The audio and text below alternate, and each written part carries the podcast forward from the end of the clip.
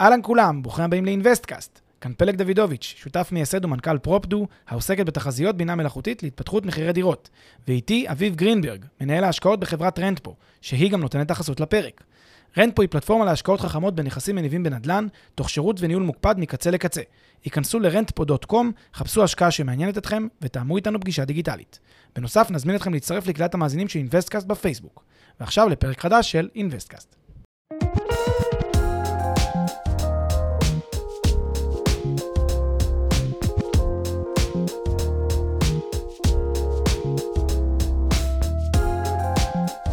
פלג, כיף גדול להיפגש פעמיים בשבוע. וואו, אביב, מה העניינים? מצוין, נפלא, מצוין. מה זה? הבעיה היחידה שאני כל הזמן מצטרד.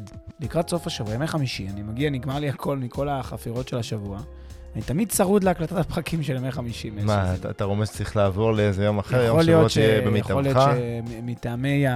טובת המאזינים שלנו, כדאי שנשנה אולי את יום השידורים. סתם, סתם, אנחנו לא, לא שוברים פה. את הכלים, לא משנים עכשיו שינויים, יש פה, יש פה כל מיני אנשים כמוני לפחות, שהם כזה נורא בקטע של אה, הרגלים ורוטינות. לא ב- ניגע לכם ברוטינות, אל תדאגו. לגמרי, נראה לי זו מחלה שמאפיינת את שנינו. ראינו, ש... ראינו שחלק מהמאזינים שלנו שלחו שאלות בקבוצת הפייסבוק שלנו בעקבות הפרקים האחרונים. אני חייב להגיד לך שזה משמח אותי ממש, אה, זה שאנחנו מעוררים עניין ו... ונותנים למאזינים שלנו ערך. ענינו על השאלות ואנחנו גם נמשיך לענות על השאלות שלכם. תוודאו שאתם חלק מהקהילה שלנו, חלק מקהילת המאזינים, בקבוצת הפייסבוק של InvestCast, ותחלקו איתנו כל שאלה שיש לכם. נמשיך לדסקס על הפרקים. נכון, נכון, וגם נשמח שתספרו לחברים על הפודקאסט שלנו, אם אתם אוהבים. כל אחד מכם, יש לכם איזה חבר יקר, חברה יקרה שבא לכם אה, לשתף אותם. אנחנו נשמח להגדיל את הקהל שלנו, הקהל שלנו עצום, לדעתי, אבל הוא יכול להיות עצומר, גדול יותר, אז אנחנו ממש נשמח חד משמעית. לשירות המועיל שלכם. שוב, אם אתם נהנים, אם אתם לא, אז אתם יודעים, יש תיבת תלונות, ואפשר גם... אה, גם, גם בקבוצת הפייסבוק גם שלנו, בקבוצת הפייסבוק אפשר לתרום. אבל אה, אם כן, חד משמעית, אנחנו נשמח להתרחב, אה, ונשמח שתפיצו את השמועה. על מה היום אנחנו נדבר? על מוסד הפריסל, מוסד הפריסל, בפריסל. זה הפך למוסד ממש, אה? אני חושב שכן, אתה רואה בכל... דעת. אתה רואה הרבה מודעות, עכשיו בפריסל.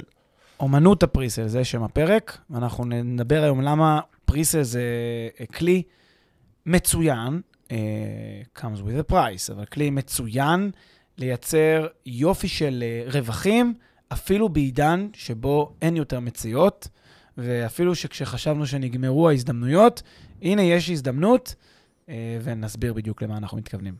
יאללה, אז בוא, בוא נתחיל. שנייה לפני זה בפריסל, רק שנבהיר פה את ה, שוב את, ה, את הקונטקסט למה אנחנו מדברים. פריסל אנחנו מתכוונים שלבי שיווק ראשונים של הנכס. בדרך כלל, תקן אותי אם אני טועה, לפני שהיזם עולה על הקרקע, ורוב הפעמים זה אחרי, אחרי קבלת היתר, נכון? כן, אז יש פה אגב משהו פרדוקסלי במכירות, במכירת pre-sale, כי pre-sale זה לפני. המכירה. קדם מכירה, זה, זה כאילו מישהו, משהו כזה מוזר, אבל זה סוג של כזה, המילה pre-sale יותר שיווקית, היא יותר כאילו רצון למתג משהו. למעשה זה כל אותן מכירות שהיזם מבצע לפני שהוא מתחיל את המכירות העיקריות. שמתי שהוא יתחיל את המכירות העיקריות, זה תלוי לגמרי בו, מתי הוא רוצה, יש יזמים שממש ממש מוקדם, יש יזמים שאחרי היתר, לפני היתר, כל אחד והסיבות שלו והשיקולים שלו, ויש פה גם הרבה רגולציה שחלה, אבל כעיקרון, בדרך כלל, בהגדרה הבסיסית, פריסייל זה בתקופות האלה ממש, קצת לפני היתר, קצת אחרי היתר, ממש בתקופות האלה שהרבה לפני שהתחילה הבנייה, אולי מספר שבועות, מספר חודשים לפני שהתחילה הבנייה, אה, וזה בשלב מקדמי כל כך, שעוד אין כלום, עוד כאילו יש עדיין רק חזון כזה, התוכניות עדיין לא סגורות, בגלל זה הרבה פעמים גם בפריסל, עוד אה, הרבה מהדירות עוד ישנו אותם, טיפה יזיזו, ישנו טיפה, אז גם פה יש אה, כל מיני אלמנטים ש... שנדבר עליהם. זה הכוונה של פריסל, זה כאילו לפני. לפני התחילת המכירות הרשמיות של, ה... של הפרויקט. ולמה למה זה בכלל התחיל? זאת אומרת, איך זה התחיל? מה השיקולים של היזם? או... כן, אז, אז בעצם הפרקטיקה של פריסייל זה בעצם פרקטיקה שהגיעה מתוך צורכי היזמים. אה, וכדי להבין את זה צריך להבין שכשיזם בעצם אה, נכנס לעסקת אה, נדל"ן, הוא צריך להציג הון עצמי. זה חלק מהדרישות של בנק מלווה וכל גורם שבעצם בעצם ייקח חלק בפרויקט הזה בצד המימוני, יבקש ממנו שהיזם שיציג הון עצמי. ליזם הרבה פעמים כדרכו של יזם, ובמיוחד כדרכם של יזמי נדל"ן, אין כסף, אין גרוש. יזמים בנדל"ן חיים במינופים אסטרונומיים. ולכן מה שנהוג כפרקטיקה לעשות, זה למכור כמה דירות בשלב מאוד מוקדם יחסית, לייצר דרך מכירת הדירות פול ראשוני של כסף, והפול הראשוני הזה נכנס לקופת החברה, קופת הבנק המלווה אמנם, כי זה בתנאי חוק מכר. זה נכנס לקופת הבנק המלווה, כמובן שיש מגבלות, עד 7% וכולי, לא ניכנס לזה, אבל יש כאן איזשהי סכום כסף שנצבר, והסכום הזה עכשיו יכול היזם להעמיד אותו כאילו שמשמש כהון עצמי לפרויקט.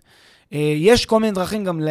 שהיזמים עושים עם זה כל מיני צרכים נוספים שלא ניכנס אליהם כאן, אבל יש עוד כל מיני עניינים מימוניים שיזמים יכולים לייצר באמצעות ה pre-sale. אמ, אבל אה, השיקול המימוני, זה שציינתי הוא השיקול העיקרי. שיקול נוסף שיזמים עושים בשביל pre-sale, זה הרבה פעמים סוג של, אם תרצו, POC, Proof of Concept לפרויקט. הם נגיד רוצים להגיד ליזם, לבנק, או לשותף, או למשקיע, או לכל גורם שהוא, הם רוצים להגיד לו, תראה, ה target price שלי הוא שלושה מיליון לדירות פה. זה מה שאני חושב, דירה, דירת 80 מטר תהיה פה שווה. המשקיע יגיד לו, אני לא מאמין לך שבשכונה הזאת, אה, בתנאי השוק הנוכחים תצליח בשלושה מיליון. אז זה מראה לו, הנה, תראה, בפריסל אני מכרתי ב-2.8. שזה על הנייר עוד בלי כלום. שזה על הנייר עוד בלי כלום, אז אתה עכשיו דמיין מה יהיה פה כשזה יהיה בתקופת המכירה ו- וכולי. אז דרך הפריסל הוא מוכיח, ואז בעצם צד שלישי, משקיע, אומר, אה, כבר יש מכירות. הנה, אין כמו לקוח משלם, כבר יש מכירות, אז הפרויקט הזה באמת יעבוד, זה יהיה המחיר. לכן, זה מה שהניע את, את הפרקטיקות של פריסל. אה, וגם כמובן כי אה, יזמים רוצים גם לפזר סיכונים.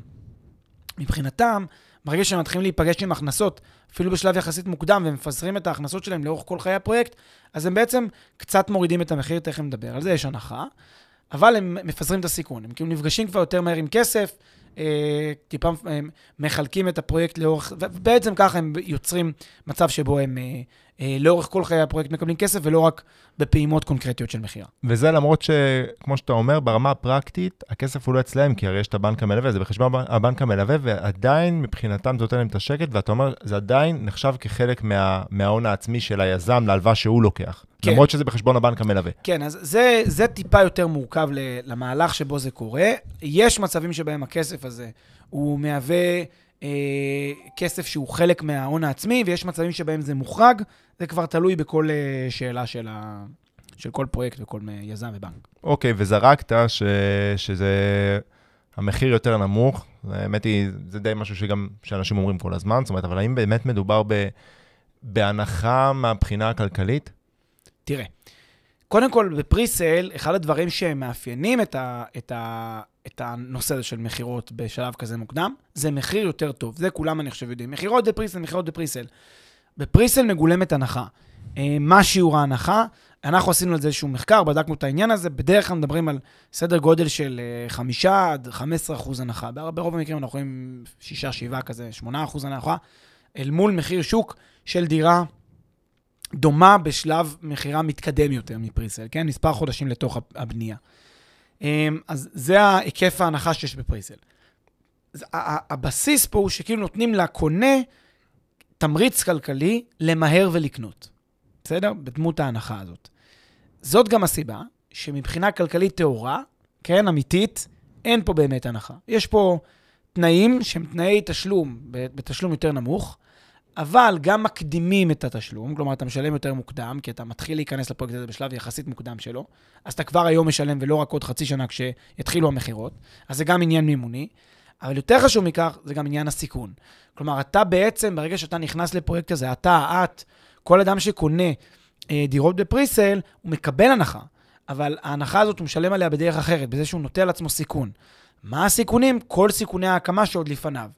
ככל שמתקדמים בפרויקט יזמי, וזה מאוד מאוד חשוב, לאורך פרויקט יזמי יש ציר זמן שלאורכו מחירי הדירה הולכים ועולים. למה הם הולכים ועולים? בגלל שסיכוני ההקמה הולכים ויורדים. ככל שסיכוני ההקמה יורדים, ככה הפרויקט יותר ודאי, ככה רמות הסיכון יותר נמוכות, וככה יותר אנשים מוכנים לשלם. פחות הססנות, פחות uh, שנאת סיכון, יותר אנשים מוכנים לשלם. לכן המחיר, השוק גורם לזה שהמחיר עולה לאט-לאט. זאת גם הסיבה שיזמים, יש להם טבלאות כאלה של מחירים של הפרויקטים. כל מספר שבועות הם מעלים את המחירון של הדירות ב-2-3 כל מספר שבועות, מספר חודשים, כי בעצם הפרויקט מתקדם והבנייה מתקדמת. סיכוני הקמה קטנים. מי שקונה מוקדם יותר ומי שקונה מאוחר יותר, הם משלמים כלכלית אמיתית כמעט את אותו מחיר. זה נכון שיש פערים, כי אחד קיבל קנה בהנחה והשני קנה ב... לא בהנחה. אבל בגלל שהראשון נושא ביותר סיכונים, אז זה כאילו כלכלית אמיתית, הם שילמו די אותו דבר. אה, ועכשיו כל אחד צריך לשאול את עצמו, האם אני יותר אוהב סיכון ומוכן לקבל, ושמח לקבל את ההנחה, או שאני פחות אוהב סיכון, יותר סולידי, ולא רוצה את ההנחה, רוצה לישון יותר בשקט. נגעת פה, האמת היא, בכמה דברים, אני חושב ש... אני אנסה לשמור על זה מסודר. אז קודם כל, אם, אם כבר עברת ל, לדבר על, ה, על העלויות הכלכליות, אז, אז נמשיך כבר, נמשיך לדבר על החסרונות עכשיו, אבל שנייה לפני זה, אני רוצה גם להמשיך לדבר על סיכוני ההקמה. כן. ה, הסיכונים שאתה מדבר זה הסיכונים ש, שקשורים בעצם לעצם זה של לסיכוני היזמות, נכון? נכון. בבנייה, בפרויקטים, בפ- בפרויקטים של בנייה, אה, בקומפלקסים של מגורים וכולי, יש סיכוני הקמה, הקמה נמוכים יחסית, במיוחד שמדובר ביזמים גדולים. אבל פה גם יש הבדל, דיברנו על זה מקודם, ואולי זה משהו שגם צריך לשים לב, זה גם לא אומר כן או לא, אבל לדעת למה אתה נכנס. אמרנו לפני זה שפריסל יכול להיות לפני קבלת היתר או אחרי קבלת היתר. נכון. אני חושב שזה חסם משמעותי. מאוד מאוד משמעותי. שצריך יש לצלוח. קפיצה משמעותית ברגע שמקבלים היתר, קפיצה משמעותית במחיר, דרמטית, ברגע שיש היתר, כי לפני היתר הכל זה עדיין ברמה של כותרות. ברגע שיש היתר, המחיר קופץ דרמטית. אז בואו רגע נשים שנייה בצד, נניח שאנחנו אחרי היתר, כי אני- כל משהו לפני היתר זה, זה עולם, זה מישור אחר, זה מישור יותר תכנוני, ויש שם גם את, אה, תוכניות שצריך לעבור, והליכי אישורים, זה הליכים שיכולים לקחת לפעמים 8, 10, 15 שנה להבשלה, להפשרה ולתכנון להוצאת היתר. זהו, כי כשאתה אומר סיכוני הקמה, זה, זה הסיכון העיקרי שעולה לי בראש, זאת אומרת, אחרי זה זה, זה עוד סיכונים, אבל טוב, בוא נפרוט אותם, זה פשוט, זה לא... לא, אז סיכוני הקמה לא. סיכו, סיכוני הקמה זה לא רק הסיכונים היזמיים. הסיכון היזמי מתחלק עוד משלב התכנון המאוד מאוד מקדמי, כשאני יודע עם קרקע חקלאית ואני מסב אותה לקרקע למגורים, בהחלט. או לוקח קרקע כמסחרי ומסב אותה למגורים, או לוגיסטיקה למגורים, או you name it, כל פעולה נדל"נית אחרת, תכנונית. יש בה סיכונים, סיכונים רגולטוריים, בירוקרטיים, תהליכים, זמן, מימון, אה, כמה זמן יעבור, כל שנה משמעותית פה, לפעמים עוברים חמש שנים, לפעמים מתחלפות ממשלות. יש פה המון, המון, המון, המון דברים, נכון. שגורמים לתהליך התכנון, לבירוקרטיית התכנון, להיות מאוד מאוד מסוכנת מבחינה יזמית. ולכן מי שצלח את זה, והנה ניתן היתר, מאותו רגע אנחנו צלחנו כברת דרך משמעותית בסיכונים היזמיים, אבל עדיין לא השלמנו אותם. עדיין יש לפנינו, רובץ לפתחנו שלב נוסף, שזה שלב הבנייה וההקמה של הפרויקט. בשלב הבנייה יש את כל סיכוני ההקמה, שזה סיכונים, סיכונים של בנייה, שזה החל מעיכובים ופגמים וליקויים ו- ותאונות חלילה, וצווי הפסקת עבודה חלילה, ו- ודברים שקורים ב- בשטח, וקבלן שפושט רגל, וציוד מסין שלא מספקים בזמן, וגורם לבעיות נימוניות, וכשאין נזילות, ובעצם יש כאן הרבה הרבה מאוד דברים שאנחנו חושבים עליהם בעיתון מדי כמה שבועות, חודשים, כשיזם נופל באיזשהו, במרכז פרויקט, בדיוק באמצע הפרויקט, ויש לו עכשיו כמה מאות קונים שעכשיו נתקעו בלי דירות. זה קורה כל הזמן, חברות בנייה, יזמים, קבלנים, אדריכלים, מתכננים, יועצים, קורה לא פעם שיש בעיות, תקלות, אה, נזקים, והדברים האלה אחר כך מתגלגלים ככדור שלג לכישלון פרויקט. זה סיכוני הבנייה. אבל אה, הוא- גם נגיד סיכונים גם אה, של מימוניים יכולים לקרות, תזרימים, זה סיכוני הבנייה. אבל זה הא- סיכוני הקמה, כן. העובדה שיש אבל בנק מלווה לפי חוק המכר, זה לא מגדר, היא לא מגדרת את הסיכונים מקטין האלה? את הסיכון, זה מקטין את הסיכון. בנק נותן ביטחונות, הוא לא נותן ודאות, הוא נותן ביטחונות. בנק מלווה אה, ייתן, ל, ל, ייתן הגנות לרוכשים, שהן הגנות שהם לא יכולים לקבל בהיעדר בנק מלווה, זה כן. אבל אה, זה לא הרמטי, כאילו אין הרמטיות בהשקעות. כאילו בכל ברור. השקעה שהיא, כשנכנסים ליס, במיוחד ביזמות, אין הרמטיות. ולכן, כמו שאתה אומר, זה חסרונות של, של תחום של פריסל, בהשקעות פריסל, החיסרון המרכזי זה סיכוני ההקמה. זה לא אה, מתאים לכל אחד, כן? זה עסקה יזמית יותר, באופי שלה. לכן, יש כאן חסרונות שהם חסרונות אה, מהצד של הסיכונים. איך מקטינים את הסיכון? כמו שאמרת, זה הבנק המלווה, אבל יש, יש דרך יותר קלה. החברה, חברה שקונים ממנה.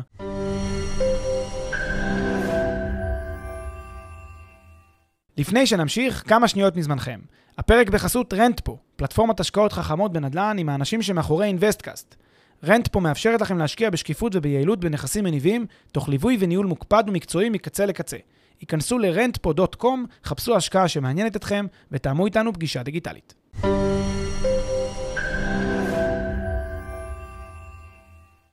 אם אתה קונה מחברה שהיא אה, ה top tier של החברות הנדל"ניות, אז אה, שוב, כעניין אה, סטטיסטי, זה סביר יותר להניח, גם אין ודאות, אבל שחברות ענקיות לא ייפלו. רואים את האג"חים שלהם, רואים את המניות שלהם, רואים את התהליכים שהן עוברות בבורסה, אז אפשר לקבל את הרושם שזה חברות יציבות פיננסית, שככל הנראה ישרדו את הפרויקט הזה. אולי יש להם גם חברת בנייה מקומית, חברת קבלנות שלה, שהם גם יודעים אה, לייצר פתרונות והם לא נמצאים בקשיי נזילות, כאלה שיגרמו לכישלון הפרויקט. ככל שהולכים על יזם פחות מוכר, חברות יותר צעירות, יזמים פחות מנוסים, כן, גדלים סיכוני ההקמה, ואיתם גם יגיע גם ה-reward, וגם על זה תכף נדבר. אבל זה בהחלט אה, חיסרון. אז אלה, זה, סיכוני הקמה זה, זה, אחד, זה אולי החיסרון המשמעותי ביותר, כי זה מה ש... זה אמרת, העלות שאנחנו משלמים בשביל ההנחה, העלות הכלכלית. בדיוק. איזה חסרונות נוספים? תראה, יש חיסרון שהוא תקופה ארוכה ללא הכנסה. בסדר, אני הרי מקבל, אני קונה את הדירה הזאת בשלב אה, מאוד מוקדם שלה, אז אני עכשיו בהשוואה לאלטרנטיבה של לקנות דירת יד שנייה, או דירה חדשה מקבלן, כשהיא כבר עם המפתח, שאני כבר יכול להיכנס אליה, obviously, אה, אם אני צריך לחכות עכשיו שנתיים-שלוש לסיום הבנייה, יש לי פה זמן רב שבו אין לי הכנסה שוטפת מהנכס. אבל גם כאן אנחנו תכף אה, נסביר שזה בעצם לא משנה. נכון. זה לא כזה משנה, זה, זה, לא, זה לא כל כך חיסרון בעיניי לפחות. אולי אני אה, מאוד מאמין בכלכלה, אבל אנשים אה, אחרים, ואולי אנשים אחרים פחות מאמינים בזה, אבל מי שמאמין אה, בכלכלה, תכף יראה דוגמה, ומי שלא מאמין מספיק בכלכלה הזאת, יראה את זה כחיסרון ויגיד, אני רוצה רק שיש לי מיד צורך, אני רוצה מחר להיפגש עם כסף. עזוב אותי מכלכלה, עזוב אותי מהיגיון כלכלי. צריך להגיד אה, שבישראל הרי, בישראל יש הצמדה של המחירים למדד מחירי הבנייה, שזה מצוין. בעצם... זה, ש, זה שוחק לך את ההנחה, זה שוחק את, ה, את ההנחה, את עליית הערך שאתה מקבל מזה שקנית מצוין, בדיוק. מוקדם. כשקונים מוקדם והדירות בישראל צמודות למדד המחיר לצרכן, אז לאורך הבנייה יש הרבה מקרים שבהם פשוט המחיר הולך ועולה, הולך ועולה, ולפעמים מה שיקרה זה שכבר לא יהיה הרבה הבדל בין uh, דירה בפריסל לבין דירה שהיא לאורך הבנייה, רק בגלל תשומות הבנייה שהשתנו. אה, שוב, אני, אני עדיין חושב שגם הדירה, גם בשלב מתקדם יותר, היזם יתאים את המחיר בהתחשב בתשומות הבנייה. כלומר, בכל זאת תהיה פה עליית ערך, אבל זה קצת מקטין אותה. אמרו לנו כמה יזמים ש, שאנחנו מכירים היטב, שלפחות מניסיונם, מניסיונם אה, עליות המחירים לא עולות בקנה אחד, עליות המחירים בפרויקטים לא עולות בקנה אחד עם תשומות הבנייה. תשומות הבנייה עולות בשיעורים נמוכים יחסית, עליות המחירים עולים יותר. לכן, אה, באמת, כמו שאתה אומר, זה חיסרון, אבל לדעתי זה חיסרון יחסית. אה, יותר זניח ב, ב, ב, בין החסכונות. מה שכן הייתי שם כחיסרון זה נושא של באמת עיכובים ואיחורים. אה, ככל שאני בשלב יותר מוקדם, אז הרוחק, אני רואה יותר לרחוק, כן? אני רואה עכשיו עוד שלוש שנים קדימה. עכשיו, אה, כשאתה מתקרב לזה וקנית, אתה יודע, חודש, חודשיים, שלושה, חצי שנה לפני מסירה, אז דוחים לך בשלושה, ארבעה חודשים אז, אה, אז כאילו, אוקיי, אז לא נורא, אז ייקח עוד שלושה... כשאתה כבר מחכה שלוש שנים לדירה, את כל התוכניות עשית בשביל להיכנס בראשון ליוני, ועבדת ותכננת את זה וקנית, ואתה כבר שנים יושב על זה, פתאום אומרים לך, לא, זה לא יהיה בראשון ליוני, זה יהיה בראשון לספטמבר. הופה, עכשיו שלושה חודשים אני צריך למצוא שכירות. קצת משנה תוכניות, קצת משנה את, ה, את הזה, ומה שעוד חשוב פה, כשאני קונה בשלב מתקדם של הבנייה, אני פחות חשוף לאיחורים, למה? כי כבר יודעים את ה-due date המעודכן של הבנייה. אני קונה, נגיד, אה, כמה חודשים לפני המסירה, אומרים לי, תשמע, בעצם המסירה תהיה בספטמבר, לא ביוני. אבל כשאתה קונה בהתחלה, אתה בתחילת הפריסיות, יכול להיות שאומרים לך, זה יהיה ביוני, בסוף מסתבר שזה בספטמבר, אוקטובר, אה, כמה חודשים אחרי, וזה, כי לא ידעו את זה, לא צפו את זה אז כשקנית. עוד חסרונות? אה, זה, זה העקרונות הגדולים. אני חושב שאולי יש גם את החיסרון שיש כאן איזשהו סוג של, בכל זאת, אה, הקונים בפריסל הם סוג של אה, מממנים ליזם את הפרויקט. שזה, שוב, כל אחד ומה שהוא אוהב, אבל בוא, נגיד שיזם שהוא יזם שמממנים לו את הפרויקט, ובזכות זה הפרויקט הזה יוצא לפועל, בזכות הלקוחות הראשונים, יש פה מין תחושה כזאת, כאילו הפרויקט אין לו מספיק כרית פיננסית, כאילו הוא לא מספיק אה, חזק. כי כאילו היו צריכים את הקונים שיזרימו כסף כדי שהפרויקט הזה יתגלגל. עכשיו, זו פרקטיקה מאוד נפוצה בנדל"ן, זה קיים, אז זה מה יש, כאילו, זה, ככה זה עובד. אני פשוט פחות אה, מת על הפרקטיקה, זה מין כאילו תפיסה כזאת קצת מוזרה, לפחות בעיניי, כאילו שאין באמת הון עצמי. אתה יודע, יש איזה משהו עם הון עצמי, אולי זה סיפור אה, מצחיק, אבל כש, כשלפעמים בנק יבקש מיזם, תעמיד הון עצמי. Mm-hmm. נכון? נגיד לבנק, ל, ל, ליזם, נגיד הפרויקט, אתה צריך להביא 10 מיליון שקל, תביא 2 מיליון שקל מכיסך. אז מה היזם יכול לעשות? נגיד יש לו 2 מיליון שקל, הוא מביא את ה-2 מיליון שקל, מראה, מעביר לחברת הפרויקט 2 מיליון שקל ומראה שהוא שם, השקיע בעצמו. מה עוד היזם יכול לעשות? הוא יכול ללכת לבנק אחר, לגורם מוסדי, ולהגיד לו, תן לי הלוואה של 2 מיליון שקל. קבל הלוואה של 2 מיליון שקל, ולהעביר את ה-2 מיליון שקל האלה עכשיו לחברת הפרויקט. אז לחברת הפרויקט יש 2 מיליון שקל הון עצמי. מבחינת הבנק, כולם מרוצים. אלא מה? ליזם עצמו, זה לא כסף שלו. כאילו, בגלל שאין ריח, אין צבע לכסף, אז זה כאילו, זה קצת משונה שיזם יממן את הפרויקט באמצעות המכירות, אבל אפשר להגיד מנגד, מה, מה אתה רוצה? אם הוא מוכר, אז הוא, יש, הוא עכשיו עשיר יותר בשני מיליון שקל. אז הוא מכניס את השני מיליון שקל האלה לתוך הפרויקט באמצעות המכירות. אז, אז אל תהיו קוטרים, בקיצור. כן, זהו, זה, זה גישה קצת, זה כזה קצת כמו לא לצאת פראייר. בדיוק. אוקיי, אלה היו החסרונות. מה, מה לגבי היתרונות? כן, אז uh, היתרון המרכזי ברכישה בפריסל זה רכישה מוזלת. בעצם קונים במחיר uh, כמובן מוטב על פני uh, רכישה של דירה מוכנה. תכף נסביר גם את ההשוואה בין המחירים ותראו גם את העניין הכלכלי פה. Uh, עוד יתרון זה נושא המימון. באמצעות תנאי מימון uh, אטרקטיביים, uh, אפשר בעצם, הפריסל זה בעצם שיטת מימון, כי אני בעצם יכול uh, לשלם היום רכיב מסוים, ובהמשך, בשלב מאוחר, רחוק מאוד של הפרויקט, לשלם רכיב, נוס, לשלם רכיב נוסף. ככל שאני מקדים את התשלום הראשון, ככה יש gap, פער גדול יותר של זמן בין התשלום הראשון לבין התשלום האחרון. מימונית זה יותר תשואה, יוצר תשואה מאוד גדולה על ההון. יוצר תשואה מאוד משמעותית על ההון, בגלל שפיצלתי אה, את התשלומים לשתי פעימות. ואם אתם רוצים לשמוע למה, אז תאזינו לפרק שעשינו בנוגע ל-IRR. לגמרי. מסביר בדיוק מה, איך התשואה הזאת לוקחת בחשבון את הזמן של הכסף, ו- ותבינו בדיוק למה הפלג מתכוון. בדיוק. Uh, ה-IRR מאוד מושפע מהעיתוי, ככה מחשבים תשואה אפקטיבית. אז זה נושא המימון. יתרון נוסף זה נושא המלאי. ככל שקונים בשלב מוקדם יותר, יש מלאי דירות יותר טוב. יש הרבה דירות שנחטפות ראשונות. אילו הן? אלו הדירות הקטנות. מי שלא יודע, הדירות הקטנות הן בדרך כלל המוצר הנחשק בנדל"ן, דווקא לא הדירות הגדולות. שלכאורה אנחנו כולם רוצים דירה גדולה ומרווחת שיהיה לנו כיף לגור בה, אבל יש הרבה, הרבה טעמים לאנשים בשוק, ויש גם שוק של משקיעים. את ה, אותם משקיעים הם גם בדרך כלל אלה שמחפשים את הפריסייל, אותם אנשים שנמצאים ראשונים בכל הדברים האלה, הם בדרך כלל רוצים לתפוס את הדירות הזולות כמה שיותר כדי להגיע לכמה שיותר תשואה. בדרך כלל, לכן, אה, דירות שהן יותר אטרקטיביות, דירות קטנות יותר, דירות יותר אה, אה, מחולקות טוב, דירות שנראות יותר טוב, בדרך כלל הן נחטפות ב pre-sale. הרבה מאוד פעמים, בהרבה מאוד שווקים, אה, במיוחד באזורי ביקוש בארץ וגם בחו"ל, יצא לנו שב pre-sale, אם לא היינו חלק מהקליקה של ה pre-sale, מזה שאתה לא בתפוצת ניוזלטרים אה, הרלוונטית, או שאתה לא היית בכנס מכירות הרלוונטי, או whatever, אם אתה לא בתפוצת הפריסייל, נשאר לך רק דירות איכות ב', כאילו לא באמת איכות ב', אבל רמה ב' בדירוג. כלומר, רק הדירות הגדולות מאוד, פנטאוזים, דברים מהסוג הזה, פחות רלוונטי נניח לחלק גדול מהאנשים, כי הדירות הטובות נחטפו כבר בפריסל. אז זה חיסרון למי, ש... זה חיסרון למי שלא קונה בפריסל, ויתרון למי שכן קונה בפריסל. במיוחד באזורים עם ביקוש גבוה. במיוחד באזורי ביקוש. Uh, יתרון נוסף זה כמובן עניין התשואות. זה גם נגזר מזה שאני קונה מחיר יותר קטן, גם נגזר מזה שאני בעסקת מימון, וגם נגזר מזה שבאמת יש כאן הנחה. שלושת הדברים האלה הם אה, גורמים לזה שהתשואה בדרך כלל יותר גבוהה בפריסל, וגם בגלל ההשבחה שקיימת בבנייה, אז זה מגדיל את התשואה, וזה כשלעצמו גם יתרון. ההשבחה הזאת היא רכיב מאוד משמעותי, בגלל שזה כיף להרגיש שקניתי דירה במיליון, וקפצתי איתה למיליון 200 או מיליון 300, רק בזכות העובדה שיש לי כאן איזושהי השבחה, שצלחתי את סיכוני ההקמה. ופרנקלי, רוב האנשים, בפרויקטים גדולים לפחות, רוב האנשים יצלחו בהצלחה, כן, יצלחו בהצלחה זה יפה, זה צנוען, אבל רוב האנשים יצלחו את סיכוני ההקמה ביז... מיזמים גדולים. ולכן יש פה כאילו תחושה של כסף על הרצפה, כאילו תחושה של בוא נתעשר באמצעות הפריסל, נקנה בזול ונעלה עם השוק. אה, ונעלה עם הסיכוני ההקמה, וככה גם יהיה לנו טוב. שאגב, זה עומד למול החיסרון שאמרנו שזו תקופה ארוכה ללא הכנסה, עוד מעט אה, נראה בדוגמה אה, למה אנחנו חושבים ש, שזה בעצם די, זאת אומרת, זה, זה מעלים את החיסרון הזה. אליה וקוצבה, כמו שאומרים, אז כן. בוא נראה, בוא נראה את הדוגמה הזאת, ברשותך. מה אתה אומר? יאללה, אז בוא נמשיך. אנחנו עשינו פה דוגמה שמשווה בין דירה בפריסל, לצורך העניין, באותו פרויקט.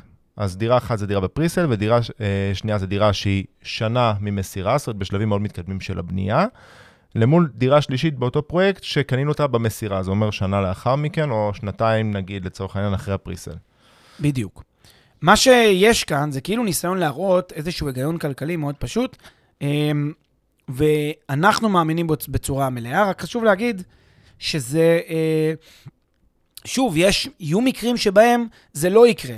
צריך להבין שבסטטיסטיקה יש חריגים סטטיסטיים, כלומר, יש מקרים שבהם זה פשוט לא קורה. אבל כעניין מצרפי, כלכלי רחב, ככה מתנהג השוק. אז בואו ננסה רגע לשקף את זה. נגיד שיש לי שלוש דירות. דירה בפריסייל, שהיא נגיד אה, שלוש שנים לפני מסירה, או שנתיים נגיד לפני מסירה. דירה שהיא בתוך תקופת הבנייה והיא שנה למסירה, כלומר היא שנה אחרי הפריסייל, ודירה שהיא ממש במועד המסירה. בסדר? הדירה הזאת שבפריסייל, נגיד שהמחיר שלה יהיה 2 מיליון שקל. הדירה שהיא שנה בתוך הבנייה תהיה 2 מיליון 100, והדירה שהיא ממש מוכנה תהיה 2 מיליון 200. עכשיו, אנשים יכולים לשאול את עצמם את השאלה, רגע, למה יש פה מהפריסל עד למסירה קפיצה כזאת, שבין של 10% מ-2 מיליון ל-2 מיליון 200? התשובה, קודם כל, ההיגיון הכלכלי, תחשבו על זה רגע, אם יש דירה ממש ממש מוכנה ליד, נגיד יש שני שלבים לפרויקט. שלב אחד זה שלב מוכן ויש דירות מוכנות שמוכנות לקנות אותן, ויש, ויש שלב ב' שעכשיו מתחילים לבנות אותו והתחיל פריסל. למה שאתם כקונים תקנו בשלב ב' אם המחיר הוא אותו מחיר כמו השלב א', שכבר הבנייה הושלמה? אין היגיון. שתשלמו על השלב א' 2 אה, מיליון, ועל השלב ב' 2 מיליון, עם 2 מיליון תקבלו מפתח רק עוד שנתיים-שלוש. אין שום היגיון שתשלמו 2 מיליון. לכן, מן הסתם, יותר תרצו לקנות את זאת שכבר מוכנה, כי זאת שכבר מוכנה, פרקטית, יש לכם מה לעשות איתה. תשכירו, אתם לא רוצים לגור בה, תשכירו אותה. תקבלו ליד משכירות. לכן, בהיגיון הזה, זה מה שמכתיב שיש פער מחירים. מה הטענה? הטענה הכלכלית כאן שפער המחירים הזה שווה לשני דברים.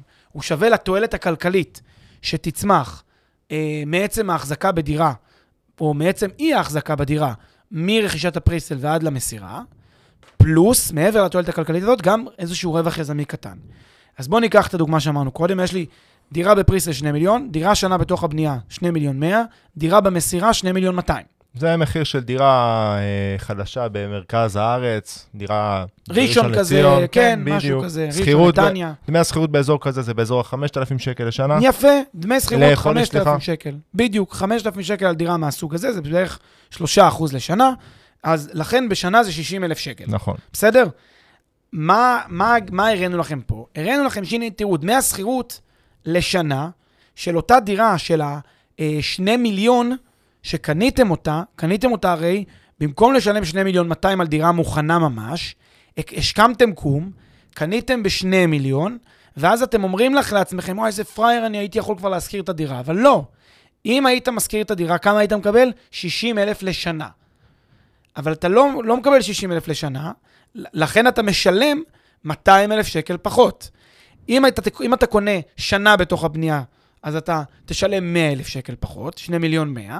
אם אתה קונה שנתיים אה, לפני המסירה, אתה תשלם 2 מיליון. אז יש לך פה פער של 200 אלף. לשנה אחת יש לך פער של 100 אלף, לשנתיים יש לך פער של 200 אלף. וכמה דמי השכירות שאתה מפיק בשנה?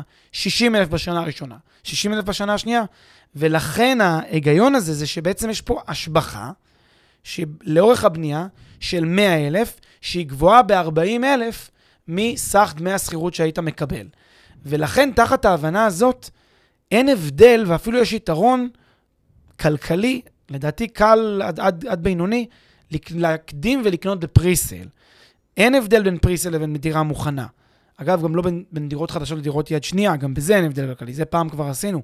אבל לפחות בהקשר הזה אין הבדל כלכלי בין דירת פריסל לדירה מוכנה, משום שההבדל הכלכלי במחירים מתבטא באחד, דמי השכירות שאתם מוותרים עליהם, ושתיים, איזשהו רווח יזמי, וביחד זאת ההשבחה שלכם לאורך תקופת הבנייה. עכשיו יבואו ויגידו לי, אה, מה פתאום, ראיתי פרויקט בתל אביב, מרכז תל אביב, שכמעט לא היה שינוי בין מחירי הפריסל למחירים בסוף. אז א', יכול להיות. אז אמרתי עוד פעם, יכול להיות שיש כאלה מקרים סטטיסטיים, שבהם יש אה, פריסל שהוא לא מספיק מוזל, או בגלל שהיזם מלכתחילה תמחר את הפריסל ביוקר. אני אגיד לך דוגמה, דוגמה קלאסית, מתי זה לא... מתי... אה, מתי הפריסל לא יהיה בהנחה משמעותית במספרים שאנחנו מדברים עליהם עכשיו. כן. הרי אמרנו, וזה נכון, זאת אומרת, באופן כללי, השוק לא היה נותן לפרקטיקה הזאת אה, להת, להתרחש, אם לא היה הנחה משמעותית, בגלל שלא היה שווה לקנות דירה במחיר, בפריסל שהיא שווה כמעט כמו מחיר של דירה חדשה, אני אלך ליד ואקנה דירה חדשה, כמו שאמרת. נכון. מתי זה לא עובד? כשהפרויקט הזה הוא משהו שהוא די יוניק או די חדש, ואתה לא יכול, אין לך דירה אחרת, יפה. שהיא חלופה לדירה שתקנה בפרויקט. ואז כולם רוצים בפריסל, נכון. ואז הם יודעים את זה, ואז המחיר בפריסל הוא כבר מעל השווי של הדירות. אז אם יש דירות שהן באמת קו ראשון לים, דירות על הפארק, דירות שבאמת יש להן יתרון תחרותי מאוד מאוד חזק, והיזם רק צריך להחליט מתי הוא עושה, זה לא pre-sale, זה יום המכירות של הפרויקט, שהוא יסגור 99% מהדירות, יישאר לו רק נכון. הדירות גן והפנטהאוז, אז הוא לא צריך pre-sale, הוא פשוט קורא לזה יום הוא קורא מכירות. לזה pre-sale בשביל... קורא לזה אה, pre-sale סתם שיווקית, אבל זה בעצם יום המכירות. יש מחיר אחד לפרויקט. במקרה כזה, עזוב, אין pre-sale בכלל, יש יום אחד לפרויקט, נכון. אני מדבר פה על מצבים שבהם יש כן איזה, אתה יודע, פרויקטים של מאות דירות, אלפי דירות, שנמכרים על פני עכשיו שנתיים, שלוש, לאורך חיי הבנייה, וכן יש פה שלביות של המכירה. כמובן שגם פריסל, זה לא לאו דווקא חייב להיות היום הזה של הפריסל, זה גם יכול להיות הראשונים, המשכימי קום, אלה שקונים מוקדם בבנייה. זהו, זה נכון ל- ככל שאתה קונה יותר מוקדם בבנייה. עכשיו, בגלל שאנחנו ישראלים, ובתוך עמנו אנו חיים, אז אה, נשאלת השאלה המתבקשת, כן. רגע, רגע, רגע. למה שאני לא בעצם אקנה עכשיו בפריסל, מכסף שאין לי, כי אמרת, נכון, אני יכול לשים פה את ה-20-30 אחוז, את התשלום הראשון שאני צריך לפריסל, ואז לפני שאני צריך להשלים את, ה... את השאר התשלומים, לפני המסירה עצמה, או במועד המסירה, אני אקח איזושהי הלוואת גישור, אני אמכור. יופי. אז זו בעצם אומנות הפריסל, ואנחנו מיד מיד נעשה את כל השלבים שלה ונסביר איך זה קורה ומה זה נותן ומה התשואות שאני אפיק, ונסביר גם את ההיגיון הכלכלי. אמ, אבל קודם כל, האם זה אפשרי בכלל? האם אפשר לקנות בפריסל ולמכור לפני מסירה? שאלה ששואלים אותנו המון. תשובה, אה, כן, אבל. זאת התשובה. קודם כל, בדרך כלל, אני אגיד גם בארץ, גם קצת בחו"ל, כי יש לנו גם הרבה מאזינים שמשקיעי חו"ל, אה, גם אנחנו משקיעי חו"ל, ואנחנו אה, חושבים שזה די נפוץ גם בחו"ל, הפרקטיקה הזאת, מן הסתם. אגב, לא בכדי אתם שומעים לאחרונה הרבה פריסל, התחלת בזה את הפרק. אחת הסיבות שכולם מדברים פריסל, פריסל, פריסל בתקופה האחרונה, זה בגלל שנגמרו המציאות. רבותיי, נג, נגמרה התקוף, נגמרו ה... אה, לקנות, אה, קניתי רחוב שלם ב-100 אלף אה, דרחמות. זה נגמר.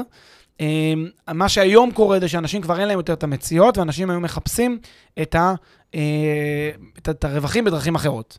למשל ברווח יזמי כזה, בהשבחות ודברים מהסוג הזה. לכן אנשים נשלחים לפריסל. אה, ולכן הפרקטיקה הזאת של משקיעים, של לקנות בתחילת הרכישה, בתחילה בפריסל, ולמכור מיד לפני המסירה, היא פרקטיקה שהולכת ותופרת, צוברת תאוצה. יש איתה כמה בעיות. בעיה ראשונה היא בעיה משפטית. בדרך כלל בחוזה המכר מול יזמים, יש התייחסות לנושא הפריסל, והתייחסות לנושא מכירה לפני מסירה. יזם, יש לו שתי סיבות מאוד מאוד טובות שהוא לא רוצה שתמכרו את הדירה, שת, שתעשו את הפרקטיקה הזאת. כאילו מצד אחד, מה אכפת לו? הרי אתם, זה לא על חשבונו כאילו. כי אתם קונים בזול במחיר שהוא הציע לכם, מה שאתם תעשו איתו זה זבשכם, מה זה עניין שלך? אבל זה כן מפריע לו, זה כן עניין שלו, משתי סיבות. סיבה ראשונה, משום שיכול להיות שהוא עצמו עדיין משווק דירות בפרויקט, לכן אתם מתחרים איתו על הלקוחות שיקנו את הדירות בפרויקט, על המלאי. לכן הרבה פעמים יזמים ירשמו, אסור לכם לעשות את הפרקטיקה הזאת, כל עוד אני עדיין יש לי דירות משווקות בפרויקט, כולל דירות גן, כולל פנטהאוז. כי ברור שאם אני רוצה, מישהו נורא רוצה לגור כאן, ואתם תראו לו דירת ארבעה חדרים במחיר יותר זול, לעומת דירת פנטהאוז ארבעה חדרים, יכול להיות שאנשים יעדיפו את הדירת, אה, דירה שלכם, כי היא יותר זולה ויותר, לא יודע מה, אנשים לא רוצים את הפנטהאוז. אה, אז אה, לא רוצה שתתחרו בו. אז זו סיבה ראשונה שבגללה יזם אה, לא רוצה שתתחרו בו. אני יכול להגיד לכם שיש גם יזמים שיש להם סיבות אחרות, שהם למשל רוצים צביון או סוג מסוים של אה, דיירים בפרויקט, והם לא רוצים שהפרויקט יהפוך להיות פרויקט משקיעים, או פרויקט שיעבור ל, ל, יעבור ידיים ויחליף אה, שוכרים. תדעו לכם שהרבה יזמים, בטח במקומות בחו"ל, אני יכול לתת דוגמה מאוד טובה מפולין, יש יזמים שמגבילים את מספר, את אחוז הרוכשים, את אחוז המשקיעים בפרויקט שהם מוכנים למכור. כלומר, כשהם יראו בן אדם שקונה למטרות השקעה, אז הם ייתנו, יגידו, טוב, עד 30 אחוז, 20 אחוז מהפרויקט אני מוכר למשקיעים. למה? כי תחשבו מי הדיירים שלהם ומה המוניטין שיהיה לפרויקט אחרי זה. משקיע, משקיעים יש להם הרי שוכרים, מתחלפים כל שנה, כל שנתיים, אה, פחות שומרים על, ה, על הלובי, פחות שומרים על הרכוש, יוצרים מין כזה, אחר כך מוניטין לא טוב ליזם בלונגרן. ויזם יכול להיות שירצה שדווקא הרוכשים שלו יגורו שם, יקימו משפחה וינהלו את חייהם שם, ויהיה צביון משפחתי, ואז יהיה מוניטין טוב ליזם לאורך שנים. לכן הרבה פעמים יזמים לא ירצו שמשקיעים יקנו. פרקטיקה כזאת של flip, אה, של off plan, flip, מה שנקרא, של, של לעשות flip, בעצם בפרויקטים חדשים בבנייה, זו פרקטיקה שיזמים בדרך כלל לא אוהבים אותה, ולכן הם מנסים להגביל אותה, אה, וזאת הסיבה השנייה. כשזה המצב, יש סעיף בחוזה שאוסר על זה. אוסר עליכם למכור לפני מסירה, הוא יכול להגיד לכם רק אחרי העברת בעלות, רק אחרי ש... רק שנה ממסירה או משהו כזה, שנתיים ממסירה, whatever, הוא אוסר עליכם למכור. יש בעיות עם הסעיף הזה. זה סעיף שיש לו בעיות משפטיות, כי מכל מיני סיבות שלא ניכנס, בדרך כלל לא רוצים להגביל אנשים מבחינה קניינית, להגביל, להגביל אותם להעביר את הזכויות שלהם, אבל בואו נאמר, אל תלכו עם אה, יזם לתביעות משפטיות על עניינים כאלה. אם יזם אוסר, לכו לפרויקט אחר, אני חושב שתוכלו למצוא בסוף פרויקטים שבהם יזמים זה לא יפריע להם, או שתוכלו להתמקח איתם על העניין, ואפילו יש מצבים שבהם תוכלו אה, אה, לייצר מצב שבו אתם יוצאים ולא אה, יודע מה, יוצרים עם, עם היזם איזשהו מודל. אחד המודלים זה מודל של קנס, פיצוי כזה. ממש כמו סיום של הלוואת משכנתה לפני הזמן, אפשר גם מול היזם לעשות איתו אה, הסכם, אני אשלם לך 2% פיצוי, במרכאות, תן לי למכור את הדירה למישהו אחר, ואתה תצטרך, אה, אה, ואני אעביר את הדירה למישהו אחר, וככה אתה מאשר לי לצאת. מספיק עשיתי רווח גדול פה באמצעות הפליפ הזה, אז בשביל 2% פיצוי אני מוכן לצאת. כלומר, מה שאתה אומר מבחינה משפטית, אם אנחנו מתכננים לעשות את, הפרקטיקה הזאת של לקנות בפריסל ולמכור לפני שיש דירה ממש, דבר ראשון, בדקו את uh, הסכם המכר, את חוזה הרכישה, ותראו שאתם, uh, שהקבלן לא או חוסם אתכם מלעשות את זה לגמרי, או שהוא לא מטיע לכם קנס. אם מטיע לכם קנס, אתם צריכים לראות שעדיין משתלם לכם לעשות את זה למרות, ה... למרות גובה הקנס. כן. זה גם אה, זה בירוקרטיה קצת משפטית, כי כדי להעביר את הזכות, הרי הקונה, הוא מחזיק בזכות מול הקבלן. אם הקונה לוקח ומוכר את הדירה עכשיו, אז בעצם מה הוא עושה? מה, מה, מה הוא עושה? הוא מוכר את הדירה, הרי הדירה לא שלו עדיין, היא של הקבלן, הוא עדיין לא מסר לו אותה. אז הוא, את מה הוא מוכר? הוא מוכר את החוזה. שלא מבחינה חוזית. אז כן, אז, אז השאלה את מה הוא עושה.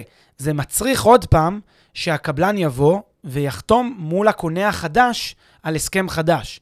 אז יש פה גם הצדקה לאיסור הזה.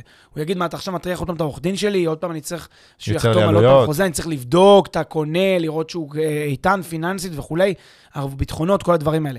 לכן, אה, במקרים האלה לפעמים יש את ההתנגדות הזאת של, ה, של הקונים, ויש דרישות כאלה ואחרות גם חוקיות, אה, אבל בגדול, תיאורטית, תיאורטית אי אפשר למנוע מכם בצורה דרקונית לדברים לא סבירים, זה... למכור את הדירה. זה, זה היה מהבחינה המשפטית, צריך, זאת אומרת, שוב, כלכלית. תיאורטית, בדיוק, תיאורטית, זה באמת אפשרי לעשות את זה, אבל מבחינה כלכלית צריך להגיד, בואו שניה נלך אחורה לדוגמה שנתנו מקודם. בסדר, פלג? אמרנו שקונים את הדירה, אם אני קונה אותה בשלב מוקדם, בדוגמה, אני קונה אותה ב-2 מיליון שקלים, וכשהדירה מוכנה היא שווה 2 מיליון 200. כן. זאת אומרת שזה עלה 10% בשנה הראשונה, קצת פחות בשנה השנייה, אבל בואו נגיד שנייה 10% בשנה. כן.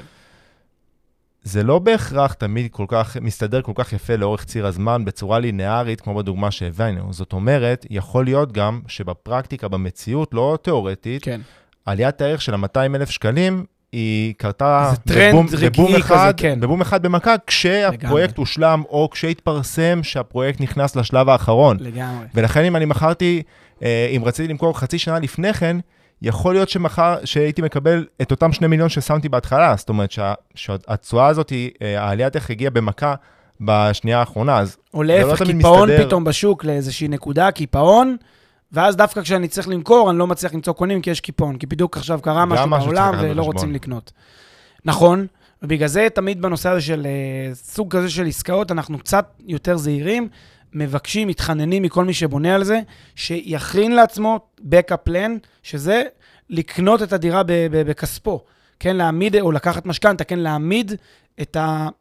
בעצם להשלים את העסקה ולקנות את הדירה, ולהיתקע עם דירה, רחמנא ליצלן. Hmm. אמ, זה אנחנו ממליצים בחום, ולא להגיע למצב שבו אתם אה, ערב לפני ה... אה, השלמת הסכום, לא מצליחים להעמיד את הכסף, נכנסים לריביות פיגורים, ובסוף גם לפיצוי של קנס מוסכם על פי החוזה, שיכול להגיע למאות אלפי שקלים ליזם. פשוט כסף שיורד לטמיון, אה, וחבל מאוד על, ה, על הדבר הזה. בדיוק. אז... אה, ציינת שזה חלק מאומנות הפריסל, כמו שאתה הגדרת את זה. אז בואו ניתן את התמונה המלאה של אותה אמנות. חמישה שלבים יש לאומנות ה presale. יאללה. שלב ראשון, צריך לאתר פרויקט איכותי. יזם, מוביל, מיקום טוב, מיקום מנצח, והפרויקט הזה צריך להיות בשלב presale. כמובן, presale הדרך... אמיתי, לא... presale אמיתי, להיות מהראשונים שם, להיות מאלה שמקבלים את המיילים האלה של ה... לפני שאני שולח, לפני שאני מפרסם, להיות מאלה שמקבלים את זה. איך מקבלים את זה? עושים ניוזלטר לכל החברות, מכירים את הסמנכ"לי מכירות, פוגשים את המוכרנים, הולכים למשרדי מכירות, עושים עבודה, כן? הולכים, אומרים, אני רוצה להיות ראשון, אני יושב עם כסף, תן לי להיות ראשון בכל פרויקט, קבל, אפילו לפני שאתם מתחילים את, ה, את, ה, את, ה, את המיילים של הלפני ה presale, כן? יש פה אין סוף כבר ללפני. אף אחד לא יודע מי פה הלפני והלפני. זה כמו שכשאנשים רוצים לראות דירה, אתה יודע, לשכירות, אז אה, נגיד אה, המתווך קובע משעה 5 עד 6. אז אנשים מתקשרים, אומרים, אני רוצה לראות לפני חמש. ויש כאלה שאומרים, אני רוצה לראות לפני הראשון שסגר איתך. אני רוצה לראות איך שהוא מגיע לשם ב-12 בצהריים, אה, שם ככה זה מתחיל. אבל דרך אחרת היא גם, הרי רוב הישראלים הם חברים במועדון צרכנות כזה או אחר, והרבה מועדוני צרכנות כאלה, הראשון שואל לי... הרבה פעמים זה יסטרדי ניוז. הרבה פעמים זה yesterday news, כי תראה, אם זה מועדון צרכנות שסוגר, אז יש מחירון למועדון הצרכנות. זה לא בדיוק פריסייל. Mm. זה, אני מדבר על מצב שבו אתה, אתה, אתה מאלה שיודעים על המחירונים, קיבלת כאילו הזדמנות הרבה לפני שהיא אפילו שווקה. יש כאלה יזמים שסוגרים, הרבה פעמים, אתה יודע, הרבה פעמים רואים את זה. נותרו רק, בפריסל נותרו רק דירות ארבעה חדרים. כאילו, כן. כל השלושה והשניים יצאו מהשוק. אז אה, זה השלב הראשון, לאתר פרויקט איכותי, כדאי שיהיה פרויקט איכותי, כי שוב, ככל שהוא יותר איכותי, ככה סיכוני הקמה יותר נמוכים. שלב שני, לקבל את הנחת הפריסל, צריך שתהיה פה הנחה משמעותית. 2% חברים זה לא הנחת פריסל. אתם צריכים לראות פה הנחה משמעותית בהשוואה למחיר שוק של דירה שהיא תהיה גמורה. אתם צריכים לעשות פה איזושהי בדיקה למחירי השוק של דירות חדשות. באזור לא קשה למצוא את זה, אה, ולמצוא את מחירי השוק של דירות חדשות. כלל אצבע, תראו שה, שההנחה, אם אתם פורסים אותה פני שנה, אחרי שבדקתם מה שווי שוק של דירה וכמה אתם מעריכים שהוא יהיה עוד אה, שנתיים, שלוש, תראו שההנחה הזאת היא גבוהה ויש דלתא משמעותית בינה לבין התשואה שאפשר להפיק משכירות באותה דירה באותו אזור. פנטסטי, צודק לחלוטין. יש פה רווח יזמי יפה. בדרך כלל, אה, נגיד בשוק הישראלי, 8 אחוזי פריסל זה סביר, זה סביר לחלוטין, זה מגלם בערך 4, 5, 6 אחוז תשואה שוטפת על פני תקופת הבנייה, ועוד איזה שפיל, שפיל של רווח יזמי, 20-25 אחוז, זה לחלוטין סביר, אבל גם פריסל של 7 אחוז, 6 אחוז, אפילו 5 אחוז, זה גם בסדר. שימו לב, 5 אחוז מ-3 מיליון שקל, זה הרבה כסף. זה הנחה משמעותית, אה, כי אתם תכף תבינו מה, מה התשואה שלכם פה. שלב uh, שלישי זה לקבל הנחה נוספת. לא יודע אם זה אפשרי, זה שלב שהוא מוטל בספק, אבל לבוא ליזם להגיד לו, תשמע, אני, מה זה רציני? אני רוצה עוד 2% תן לי. אם תצליחו לגרד עוד הנחה, פנטסטי. נכון, כנראה. אם אתם אבל להגיד, יודעים להביא... אם זה פרויקט, אם, הרי אמרנו ללכת לפרויקט איכותי, ב, אמרת את זה בשלב הראשון, על יזם, מיקום וזה, אם אתם הולכים עכשיו לפרויקט בתל אביב, או אפילו בראשון לציון על הים, אתם כנראה לא תקבלו את לא. ההנחה הנוספת. צריך להגיד את זה, שאנשים לא יחיו, אתה יודע, לא יחיו בסרט. אבל אם, אתה, אם אתם באים קבוצה של 4-5 משקיעים ליזם, אומרים לו, בוא, אנחנו באים, סוגרים לך עכשיו את כל, ה, את כל הדירות, שני חדרים בפרויקט, כל החמש דירות, תן לנו, אז תן לנו 2% מתחת לפריסל. אז uh, ככה יכול להיות שהוא יסגור, ויש מצב שהוא ייתן לכם, למרות ששוב, בואו לא נשלה את עצמנו יותר מדי. שלב רביעי, uh, תנאי מימון. אתם צריכים לחתור לתנאי מימון כמה שיותר, כמובן, אה, נכונים. אתה אומר מימון, אבל... מבחינת פריסת תשלומים. פריסת תשלומים, בדיוק. נכון. זאת אומרת, מול היזם, אנחנו קוראים לזה מימון, למה אתה קורא לזה מימון? כי זה, ב... היזם הוא המממן שלי לאורך תקופת הבנייה. זה owner או, seller financing, אני מממן באמצעות המוכר. המוכר שלי מממן אותי. באיזה דרך? הוא אומר לי, תשמע, תשלם לי היום 20 אחוז, במסירה תשלם לי את אותם 80 אחוז יתרה. ככל שתגדילו את שיעור המימון הזה ל-10.90, 5.95 זה רחוק, אבל גם 30.70 אה, זה בסדר, כי אתם בעצם יוצרים מצב שבו רוב התשלום זה בסוף. ולמעשה כל מה שאתם צריכים לעשות זה להעמיד את ההון העצמי של ה-20 אחוז, 10 אחוז, 30 אחוז מעלויות הפרויקט, מעלויות שתכף ניתן גם דוגמה לזה, למה, למה הפריסת השלומים הזאת זה בעצם אימון ולמה, ולמה זה משתלם. בדיוק. והשלב החמישי זה מהרגע שבו קניתם את, ה, את הדירה הזאת, אתם במרוץ של למצוא קונה לדירה הזאת עד לרגע המסירה. כמובן שלא יום למחרת, למרות שגם זה אני שמעתי אנשים עושים, אבל אה, בחודשים הראשונים וכלה עד לסוף הפרויקט, בשנתיים, שנתיים וחצי שיש לכם להמתין לסיום הבנייה, אתם עובדים ברבה כדי להגיע למצב שבו מכרתם בדלתא של אה, אה, כמה שיותר גדולה ממחיר הרכישה. 10 אחוז, 15 אחוז, 20 אחוז מעל מחיר הרכישה, כמה שיותר, the more the merrier כמובן, זה הרווח שלכם. כל רווח שיש לכם בין מחיר הדירה לפני למחיר הדירה אחרי, זה רווח נקי, ותכף נראה את זה בדוגמה מספרית. אתה שם את זה כשלב, אה, כחלק מהאומנות בפריסל, אבל שוב, אם נחזור שנייה אחורה עם הקשיים והזה, אני לא בטוח ש... שבהכרח נכון בכל, אה, זאת אומרת, להיכנס לפריסל כדי לצאת, אלא... זה מי שלוקח את הפריסל לרמת אומנות ועושה מזה מודל כזה שהוא מודל זה. כמובן שמי שבא להשקעות שהן השקעות אה, יותר סולידיות, יותר ארוכות טווח, השקעות יותר שקולות, כמו שאנחנו מעודדים, אה, תמיד אומרים, שכדאי ללכת להשקעות שהן יותר סולידיות וארוכות טווח, אין שום היגיון להיצמד רק לפליפים כאלה. אפשר לחלוטין, כן, נכון לקנות להיכנס- את הדירה באמת ולהשתמש בה ככלי שיווק, ככלי השקעה. בדיוק, לקנות אותה בפריסל, אבל להמשיך אחרי זה. כן, עכשיו להמשיך להשקיע, להמשיך להשקיע ב- בדירה הזאת על פני עוד 4-5 שנים, וזה בסדר גמור. אז בוא ניתן דוגמה כלכלית כדי להעביר את העניין שאמרנו שהפריסת תשלומים, להגיע עם היזם לפריסת תשלומים אה, אטרקטיבית, זה מאוד מאוד משתלם, ואנחנו קוראים לזה מימון. יפה, אז נגיד הדירה עולה מיליון שקל, יש לי תנאי תשלום של 10.90, חלום חלום, זה כמה שילמתי? 100 אלף שקל, בפריסל. פריסל. מי שילם את ה-900? כרגע אף אחד, היזם. בסדר? היזם כרגע שילם לי את ה-900, אני שילמתי רק 100 אלף. תזכרו שילמתי 100 אלף, בסדר? חודש לפני המסירה, ולפני שאני נדרש לשלם 900 אלף שקל נוספים, מחיר הדירה, אני יודע, בודק בשוק, אני יודע שאני יכול למכור את הדירה הזאת לפי מיליון 200. אגב, אינדיקטור טוב, נגיד, נשאר לקבלן דירה שהוא לא מכר. נכון, אה, ואז- אה, ואז אתה רואה שהוא מכר פנטהאוז שהוא מוכר מיליון 200. 500 וזאת יותר קטנה, יותר זה, אז בערך מיליון 200. אז אני מניח שמישהו יקנה לי את זה במיליון 200. נגיד היזם מאשר לי למכור, או אין לו התנגדות. מה אני עושה? אני מוצא מוכר, אה, מוצא קונה, ואומר לו, תשמע, יש לי דירה שעולה מיליון 200, בפרויקט הכי שווה עכשיו בארץ, ואני משווק לך אותה, אני הייתי עכשיו משווק של הדירה הזאת, בוא קנה ממני את הדירה. הקונה ממני שווה לו, אין לו דרך אחרת להגיע לפרויקט, אפילו תנו לו קצת הנחה. לא מיליון 200, שישלם לכם מיליון 180, מיליון 150, תנו לו תמריץ, הם גם ככה ברווח יפה. אז אין לכם בעיה להיות לארג'ים, פה זה, מי, מי שילם את זה זה הקבלן, זה כבר לא אני. אז בדיוק. אתם אומרים לו, ה- ל- למוכר, לקונה, עוד פעם, אתם אומרים לו, "אתה- אתה קודם כל צריך לשלם 900 לקבלן, את אותם 900 שאני לא שילמתי, כי שילמתי רק 10 אחוז. נכון? שאני אמור לשלם, את אותם 900 שאני אמור לשלם, לא, נגיד, להשלים. בתום החודש, אתה צריך לשלם אותם לקבלן, ואת הדלתא, נגיד 300 אלף, 250. 250 אלף, אתה משלם אותם אליי. עכשיו, שימו לב מה קרה פה. אני שילמתי 100 אלף מלכתחילה, קאש און קאש, תראו מה קרה פה. שמתי 100 אלף ביום הראשון, עברו שנתיים של בנייה, בא קונה ממני, נותן לי קודם כל 100 אלף, ועוד 150 אלף רווח. אז כאן עשיתי בערך, כן, בדוגמה הזאת, 150 אחוז תשואה בשנתיים, שזה 75 אחוז תשואה לשנה, על ה-100 אלף ששמתי.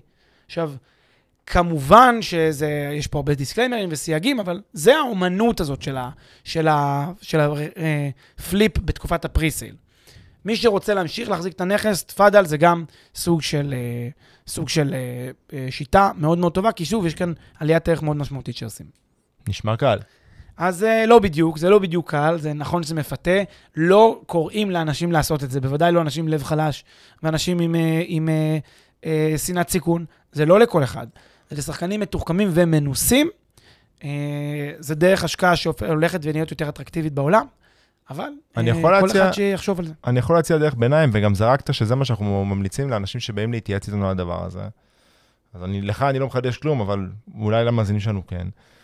בואו כן ניקח מראש מבחינת ה-Worst case scenario, נת, נתכונן לזה, כשאתם נכנסים לפרויקט כזה של פריסל, תתכוננו לזה שאתם תחזיקו את הדירה ללונג רן. כמו, שפלג, כמו שאמרת מקודם, פלג, ש, שתהיה לכם את העתודה הכספית להשלים את, ה, את הדלתא שנשארה לכם, בין אם זה 90 אחוז, 80 אחוז, או את ה-70 אחוז של אה, סוף התקופה, שתהיה לכם. חודשיים, שלושה לפני סוף הבנייה, תנ... תבינו מה קורה בשוק, תבינו מה, מה אה, הערך של, ה... של הנכס שקניתם בפריסל בנקודת הזמן הזאת. תראו מה האפשרויות שלכם למכור את זה. אם תצליחו למכור, מצוין, תעברו לדירה הבאה שלכם בפריסל. אגב, גם פה אנחנו קצת מתעלמים מנושא של, של, של מס רכישה אה, ופטורים ממס שיש כשאנחנו מחזיק דירה אחת, אבל כרגע לא ניכנס לזה. בהנחה ש... נשים את זה בצד כרגע, אבל כנ"ל גם מס שבח ו- וכל הדברים האלה. בדיוק. נכון, יש פה הרבה אלמנטים שכמובן כל אחד צריך לעשות את הבדיקות שלו ולראות שזה משתלם בכלל. אבל עזוב, אבל- אני שם את זה שנייה בצד.